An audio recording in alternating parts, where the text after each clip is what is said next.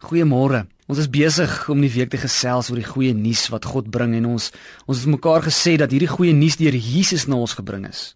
Al sou ons net slegte dinge raak sien en en hoor of net slegte nuus oral waar ons gaan beleef, is daar tog goeie nuus wat deur die geskiedenis heen seëvier, nê. Nee. En hierdie goeie nuus is die redding, die verlossing, die hoop, die evangeliese nuus. Kom ons word weer vir 'n oomblik vanoggend prakties aangaande hierdie goeie nuus en ons kyk wat se implikasies dit dit prakties in ons lewens het.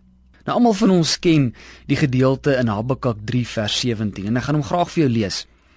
Al sou die vyeboom nie bot nie en daar daar geen druiwe aan die wingerde wees nie. Al sou die olyfoes misluk en die lande geen oes lewer nie.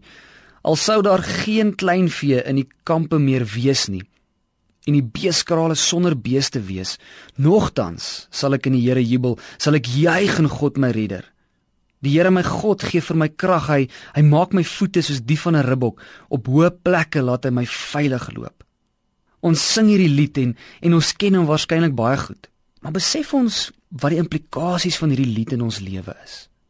Jy sien as ons bietjie vroeër gaan kyk wat in Habakuk gebeur het en bietjie na die historiese agtergrond gaan kyk, Maar kom ons by 'n diep en ryk betekenis van hierdie gedeelte uit.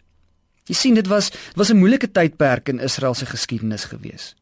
Die die Assiriërs was in beheer van sake en en en en hulle gode en en regeringstyl het hulle half op die op die mense afgedwing en ook op die ou Israeliete. Nou Habakuk leef dan in hierdie tydperk van Israel se geskiedenis. Hy sien die onreg, die die bakleierery en en dan smeek hy God. Hy smeek God om 'n einde te maak aan hierdie onreg maar niks gebeur nie. Deur die boek worstel Habakuk met God. Nee, en hy sukkel om te verstaan waarmee God besig is en en waarom hy hierdie onreg en seer toelaat. Vra ons nie ook maar vandag soms hierdie selfde vraag nie. Nee, ons vra soms, God, hoekom? Hoekom laat U dit toe?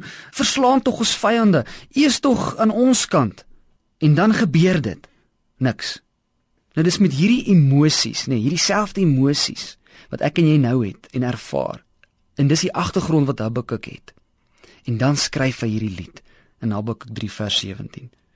sien Habakuk besef toe later deur sy wortel iets. En mag ons dit ook vandag besef. Hy besef dat dat God in beheer is al al lyk dit nie vir ons so nie. Jy sien niks gebeur sonder dat God weet nie. Al is dit sleg.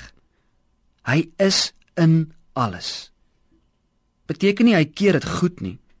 Eerder dat hy bewus is en en sy belofte is ek is daar by jou deur alles. sien al sou die vyeboom nie bot nie en en al sou dinge nie beter word nie, sal ek nog steeds juig in God my redder, want hy sal my krag gee om elke tree te gee. En dis sy belofte. Dis deel van die praktiese goeie nuus, die blye boodskap.